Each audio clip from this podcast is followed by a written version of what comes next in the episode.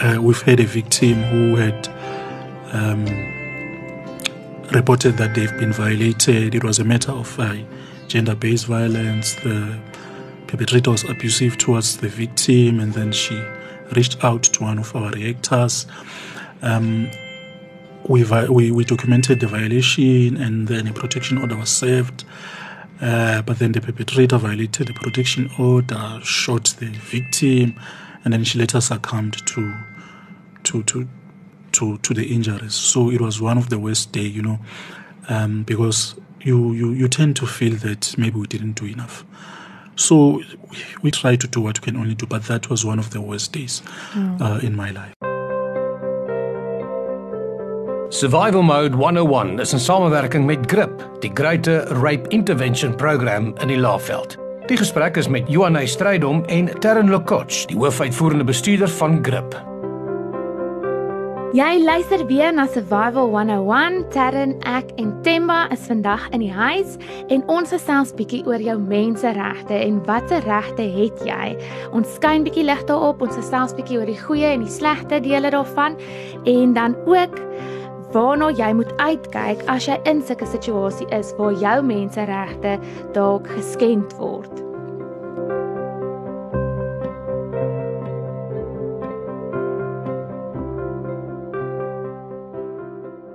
Welcome back to another episode of Survival 101 waar ons bietjie gesels oor verkrachting en gender-based violence GBV so sterren dit gaan sê. Ja. En aan die einde van hierdie uh, potgooi of podcast gaan Terren 'n uh, vlot Afrikaans praat.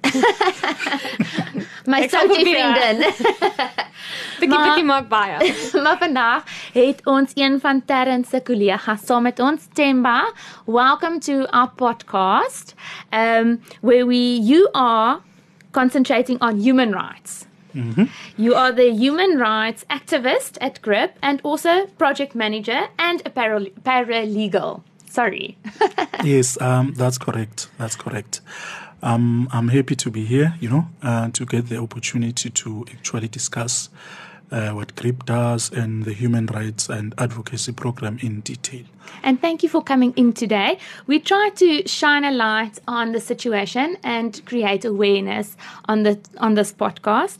And um, I was also very um, excited about your role at GRIP. Can you tell us a bit more about that, and also how you came to to GRIP?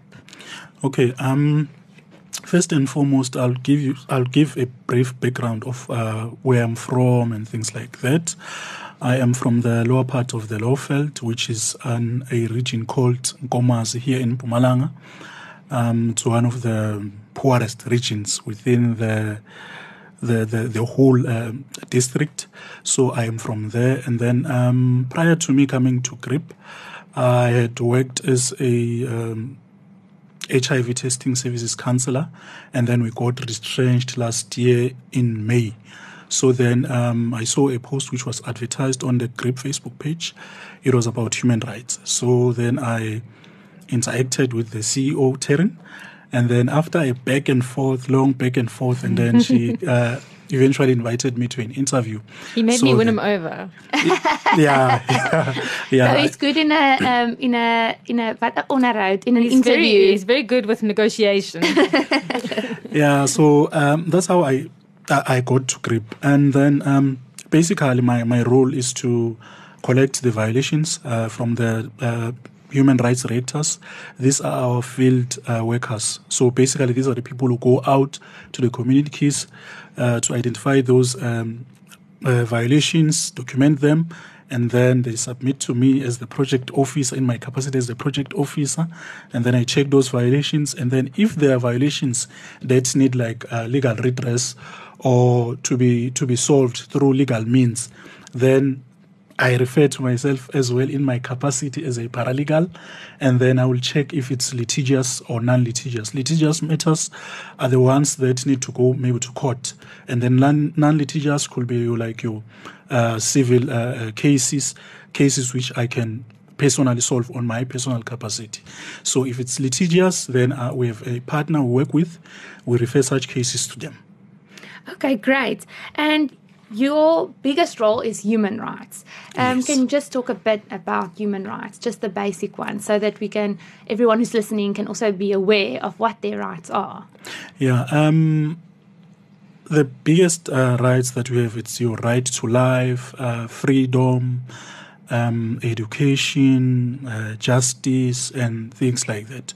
So on Monday it was the national shutdown, and people were prevented from going to work in some areas, which is basically against their human right. You know, um, everyone has got a right to to take in a to take part in a protest action, but then they've got no right to prevent those who do not want to take part in that particular protest action. So these are some of the rights that we have, um, but then they are not part of our program because uh, in our human rights and advocacy program, we specifically deal with rights around justice, uh, social rights, and uh, right to healthcare. And then with ages from 10 to 24, both male and female. Okay, wonderful. And then um, you said now you focus on healthcare, justice, and social rights. Yes. So can you just can we just focus on healthcare for a bit and just explain to the listener what do we mean by your right to healthcare? Okay, so uh, it's not just going to the doctor or going to the clinic. It's so much more. I'm, I was so happy when you told me. yes. Um, so this is what uh, basically your right to healthcare means. It means that you have a right to take a decision based on facts that were, prevent, were presented to you. Uh, it is called an informed decision based on the facts that are presented to you. So if you go to a health facility, be it a clinic, a doctor, or any other place to access uh, uh, healthcare services, they've got a right to ensure that they give you all the facts regarding the medication that you are being uh, given in terms of how do you take the medication, what are the possible side effects, and things like that. If any of those things do not happen, like uh, in most cases, we are given medication, we are not told what are the possible side effects, that basically is infringing your right to making an informed decision based on all the facts that are, pre- uh, are presented to you. So we deal with such rights uh, at, at our human rights and advocacy program where people have gone to the facility and then they've uh, been given poor, uh, quali- poor, poor services or they've been denied access to healthcare services. So those are the type of things that we do have. Um, just to give another example that we have in a community, uh, I'll not uh, give out names, uh, but we've got cases where people have gone to uh, clinics. Maybe let's say uh, someone goes to a clinic, it's half past four, and then maybe the clinic it's a 24 hour, things like that. After half past four, you find that there are no lay counselors. Lay counselors, these are the people we used to call HIV uh, testers. So you find that when this person goes there, they want to get tested for HIV. And then nurses will say, no, lay counselors have knocked off and stuff like that. But we all know that uh, nurses are trained and they are they are competent to do an HIV test. So if you go there and you're told such things, they are basically uh, denying you access to healthcare. Those are some of the things we deal with. And what do we do then? If I also, I also remember we were speaking about um, like sex workers who want the pre-prep. Now I've learned these terms. Now I also feel very clever these days. So pre-prep, if you don't know what that means, it's the medication you take to prevent HIV. Yeah, so PrEP Got is it. pre-exposure prophylaxis.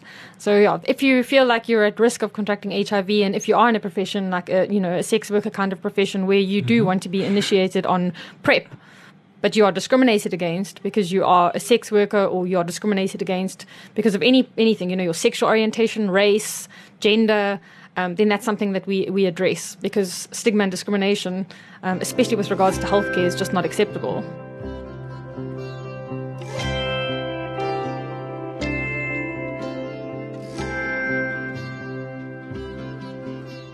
So then you go to your closest grip office, which is normally in a hospital. Like if you were in Nelspruit, you would go to the grip office at uh, Rob, ah, yeah, Rob Ferreira. Yeah. And then we'll speak to one of the grip workers and say, "This is what happening. This is what's happening to me. What happens then?" Okay. Um, what normally happens then is depending on where you're coming from in terms of within the city of Mbombela, because this is where we work. You know, this is where we've been mandated to work within. It's all four regions of the city of Mbombela, and then um, after you've gone to, to, to the hospital or um, police station or whatever the case, and then you've seen the the first responder there, um, they will refer the case to the human rights and advocacy. Then I will personally assign a reactor. So this this is the person who will come to you and then get your details, get what happened, document that case, and then we see which mitigating factors can we put in place to be able to help you. In such cases, we normally have um, instances whereby we've gone to facilities, sensitize them, you know, talk about uh, Batho Pele principles, talk about the patient's rights charter, uh, talk about uh, human rights in general. So that, uh, because at times people violate uh, rights because they do not know that they are violating your basic human right. So we do have such cases, and then we've gone out to facilities, we've addressed such cases, but it must not be a, a one case. You know, it must you must not basically be the only person who is okay. experiencing that. If you are the first person, we'll document that, and then we'll try to find if there's maybe a, a other cases that stem from the very same facility. Okay. So that when we go there, we address the person. Yes, and okay. basically all the issues that are, are surrounding the. So it's not just right. one. You have to come in, you plead your case, and then as the more and more people come to complain, then yes. you decide, okay, this really is a problem, let's go. Yes. And then what's the overall, you've obviously dealt with this a few times now, mm-hmm. what's the overall reaction that you get back from if it's the nurse or the person giving the medication? Are they willing to then say, okay, I can see that I was wrong, mm-hmm. I'm going to be more helpful, or do they sometimes fight? How do you experience the attitude after that? No, um, the attitude generally it's it's it's okay because now when we get to the facility, we also involve the operational managers. So this is not to ensure that uh, people get fired. No, we do not want people to get fired. No. We just want um, their attitude towards uh, uh patients to change. Yes, you know? to be more sensitive. Yes, yes. So what we do is um, we, we, we really do not do a name and shame kind of thing. Okay. So what we do is we request a meeting with the operational manager and the staff, and then we say we've gone out to the community, and these are the cases that we've uh, uh, uh, encountered. So then, how best can we ensure that such cases do not uh, happen in future? Okay. So we've seen a, a, change in some of the facilities we've been uh, we went to, but then it's a it's a work in progress. It is mm. not something that will become all right overnight. So no. yeah, we basically follow up, follow up, follow up. Yes, so we basically are seeing a, a lot of change. That's wonderful. I always start to cry uh, um, in these interviews, but it's just because I think it's so wonderful, you know, and I, I think you help so many people. I think really, if I ever struggle, I'm just with anything in my life, I'm just going to go to the grip office. yeah. Then yeah. you also we spoke about justice. You um your right to was it your right to justice? I just mm-hmm. want to say that. Yes, can you explain that to us just a bit? Okay. Um so what this basically means is if maybe you've opened a case and then um for some reasons uh, that case gets thrown out of court and then you're not informed as to the reasons behind it. So your right to justice is being infringed. Just like uh, if we've got maybe a, a perpetrator, they've got a right to a fair trial as well.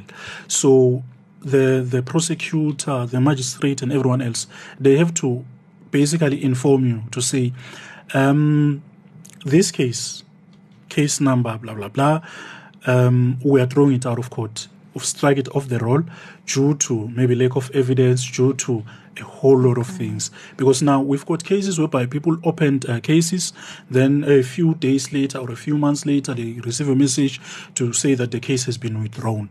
You know, without them being notified as to why was the case withdrawn. Okay. And if you basically are opening the case, no any other person has got the right to withdraw your case without informing you.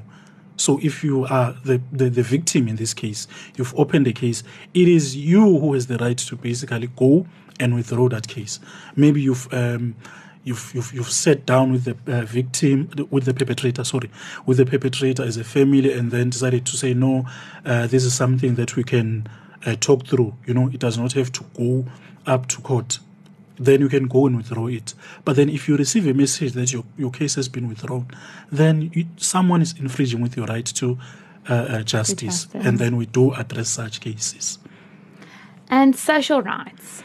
Okay. These are more focusing on children, I think you said, if I if I remember right. Yeah, so basically, uh, when it comes to social rights, this is to say um, children have got a right to be protected and then not to be neglected and abused.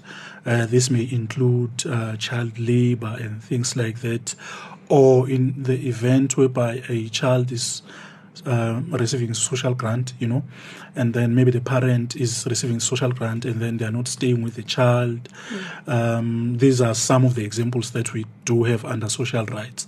So, in such cases, we do refer such cases to the Department of Social Development if it is not within our our scope, and um, if it is within our scope, then we do address such uh, uh, rights, especially rights around being neglected and and abused.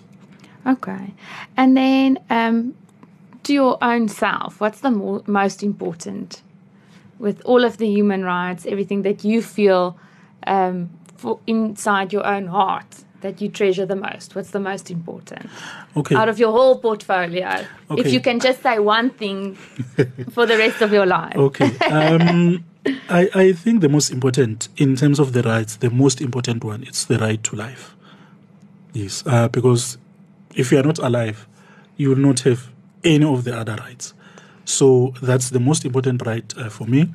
And then uh, to ensure that such rights are being fulfilled, uh, we have to ensure that people get knowledge, Yes. especially surrounding their rights, educate them on that. Yes, we basically do go out to communities, have human rights uh, uh, campaigns, know your rights campaigns, and outreach uh, campaigns. So yeah. And then um, I always, whenever I go and we have our meetings beforehand and just get to know each other, I always wonder, how do you get up every day? You know, you sometimes face things that are terrible. Um, I think, you know, that how do you get up every day and be positive and still think today is going to be a better day, you know? Yeah. So um, some of the days it's it's difficult. You know, um, it mostly stems from us trying to do our best to ensure that people people's rights are not violated, and then on the other hand, you find that uh, certain things continue happening. You know, so it basically makes you feel that maybe we're not doing enough, maybe we're not uh, impacting people the way we're supposed to impact them. Um, but then what basically motivates me to wake up each day is to know that each day will be a better day. Uh, today will not be like yesterday, and tomorrow will be so much better than today.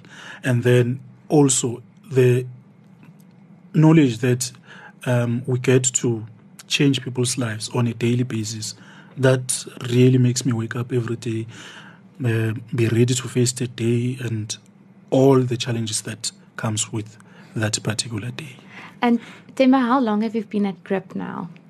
um it's been how long i've started You there started in last year in October. October. yeah so it's about um six months Yeah.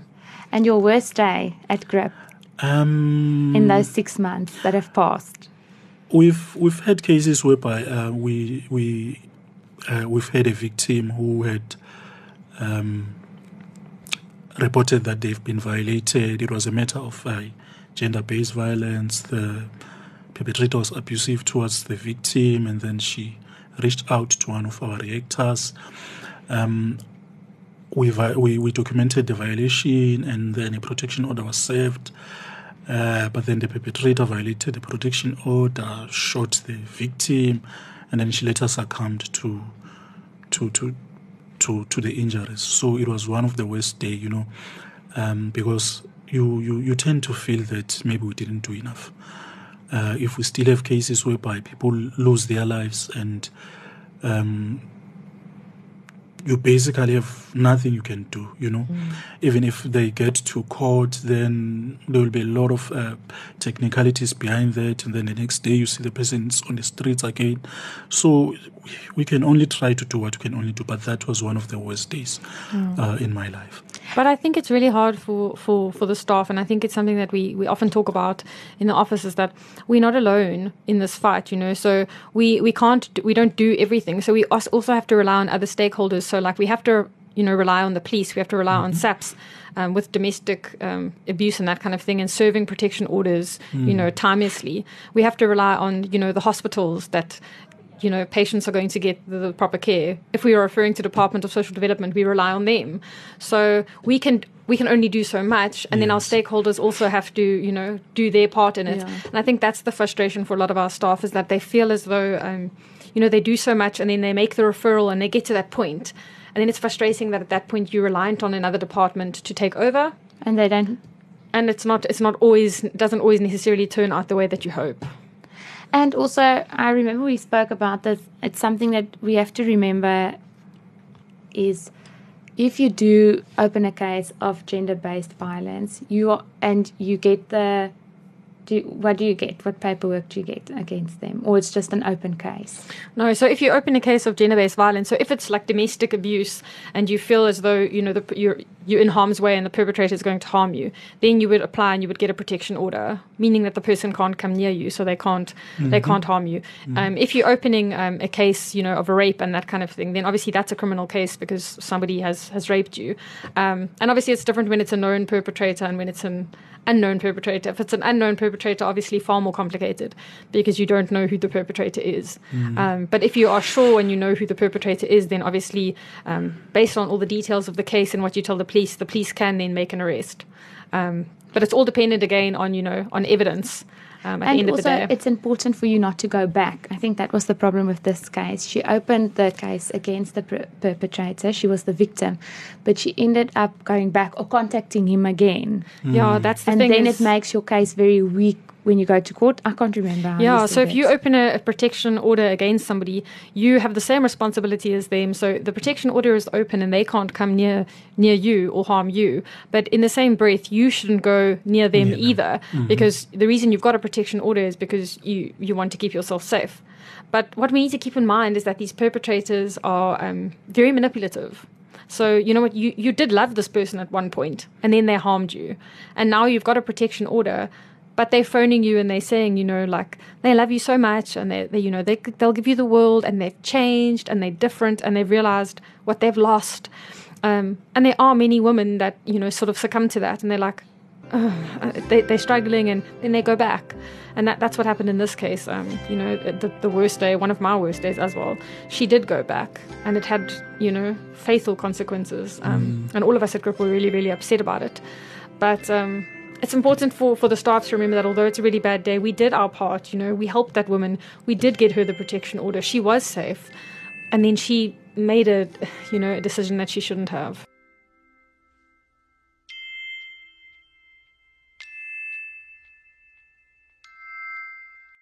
And then um, after a day like that, um, how do you leave your work at work and go home? okay. Um, so after such a day, you basically are feeling down and everything. You get to the house, uh, still feeling down. But then, um, at the back of my mind, after such a day, there's this uh, constant reminder that um, I do not have to lose myself in the process. Because if I lose myself, I cannot be there for our victim. victims. Yes. So um, it has happened, you know. Um, we, we, we, we, we did our utmost best, like uh, has mentioned. Um, so yeah, it's it's basically there to say that um, I, I, need to be there. I need to be there tomorrow, and then today was one of the worst day. Uh, it's like when uh, people maybe are playing football. You know, you you lost the match. You don't sulk over that the entire season. You go you go back tomorrow. You try you again. Try again. Yes. So that's basically the same uh, uh, thing that I did to say that uh, we've lost one of our our, our victims. It's uh, unfortunate, but then we have to ensure that we educate as much people as possible that we do not have a similar case in future. And at GRIP, we also spoke about your programs interlinking to one another. Can you explain that, please?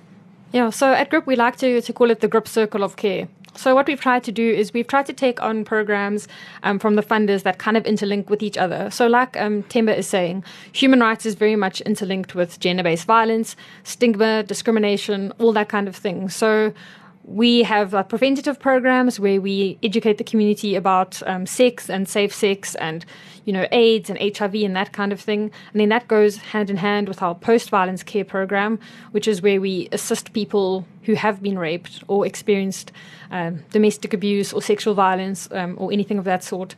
Which then links into obviously human rights because obviously if you have experienced GBV immediately, your human rights you know have been violated.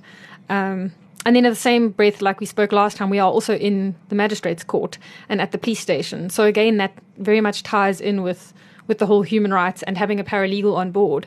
Um, and yeah, I think we we must note in this podcast that Themba is a qualified paralegal, you know, which is awesome to have on our GRIP team because it's not just human rights that he can assist with. Any kind of sort of litigious matter where we're a bit like confused, um, we can turn to our qualified paralegal and, and ask him to assist. So yeah, in the community, people need to know, you know, it's not just people at GRIP that are very passionate about gender based violence. Yes, we're passionate, but we're also qualified.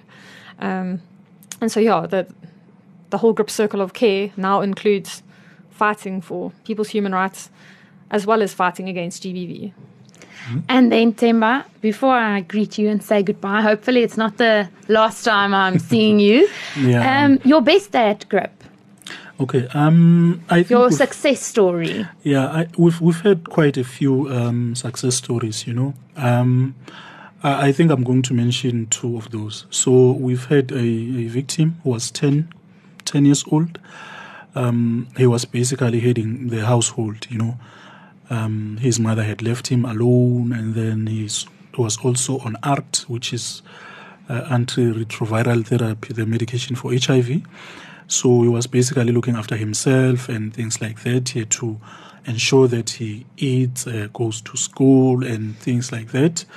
Um, through our our collaboration with um, the Department of Social Development at Kabokweni, we managed to track the mother, and then um, they were re- reunited last year. So uh, that's one of the success stories that we've had uh, throughout our six months of implementation. And then the other one, we had a a young man who was um, who was raped, and then um, we documented the violation. And earlier this year, I think it was uh, around the 15th or the 20th of Jan, um, he said that he will not be able to to contribute to the development funds of the school um, which is basically your school fees. So he didn't uh, gotten books and stuff like that. Uh, we went to the school and then we engaged with the principal, and then he said that we should write a letter, and uh, that letter will form part of the the, the, the child's portfolio, so that even next year they are aware that this is the situation of at home. So I came back, I uh, uh engaged with our director, Tarryn, and then she helped uh, draft the letter, and then we sent it through, and then the boy was given books, and then was also able to attend to schools, to school. Sorry, so those are some of the uh, uh, uh, best days that I've had, and um, also it is quite important to know that over and above what we are being mandated to do, you know, which is human rights and advocacy and things like that. We often have cases whereby uh, people ask that no, uh, we do not have food and things like that. So our director here has to dig deep into uh, GRIP's mm-hmm. coffers, you know, to ensure that uh, the, the, such a family has something to eat. Uh, this is not something that our funders uh, uh, fund. You know, it is one of our our uh, something that touches our heart to say that people cannot not have food because once you do not have food, you, then you are being exposed to being violated. Someone will come, promise you money, and then all in exchange for uh, sexual favors and mm. things like that. So th- these are some of the things that are, are, are going on, and then. Um, these are some of the uh, uh, requests that we have. That if we've got people out there, if we do reach people out there who are, who this is, who who this uh, uh, podcast speaks to, and then they've got uh, something maybe to donate and stuff like that, we would truly appreciate that because uh, our our funders they only give a mandate to say go speak about human rights go do this, go do that, while we do not address the, the, the, the root cause of what causes people to be violated. So, um, these are some of the challenges that we do have. So, yeah. Or even if you happen to pass by Anders Street and you are going in that, that direction, drop off a pack of nappies or, you know, some meal. You don't have to donate thousands. Mm. Just every I, I've seen just biki biki mock boy. Yeah. Yeah. Every bit, you Every know, bit every helps. bit will help. If it's just doing one care package Mm. for someone who's been raped mm. or your child your children's school shoes that they're not wearing anymore there's mm-hmm. always something that will there will always be someone who can wear those shoes or who will use those nappies Yeah, that's exactly it. And this human rights um, team is also really special. Just before we come to it, and I just want to say, you know, like in December, I, I went on leave. Um, I don't generally take leave during the year because there's a lot going on. So I'll take my leave over um, December and have a bit of a rest. And whilst I was on leave, I was just so filled with pride. I checked the group um, team group, and I wasn't even at work, not sort of giving any instructions or anything. And the HRA group went shopping, filled to the brim, and made sure that you know the survivors that they were dealing with in the community had food for Christmas. And um, it was so touching to know that, like, I'm not even there, but like, you know, my team has just taken this on, and and they're just making a plan without me to make sure that everybody that's currently, you know, on our books, if we can say that, that we're helping, they all have like a meal for Christmas. I think for me that was one of my best days, you know, being on holiday and looking at the group and just seeing like how far my team has come. And so yeah, so September and his team are a special a special crowd. Themba, thank you so much for your time. Tarryn, thank you again. But you and I will be back. Of course. But hopefully Themba will be back as well, just to maybe share some stories again. I think I love always hearing the the bad and the good. You know, I think you have to take both. For every every time you didn't win, there will be a time that you win. and it makes the winning that much more special. Mm-hmm. You know, if you if we didn't have those challenges, the successes wouldn't be as grand as they are. Yes. And I think everyone in the Lowveld can sleep peacefully knowing that the GRIP team is working hard 24/7. Thank Yeah. you so much, Themba. Thank you. Thank you for having me. Ek hoop regtig het iets geleer uit vandag se praatjie. Ons is volgende week weer terug en dan gesels ons bietjie oor 'n huis van veiligheid. Darren Nomonde en Google kom gesels met ons en dan hoor ons bietjie hoe dit werk en hoe 'n dag se roetine daar lyk.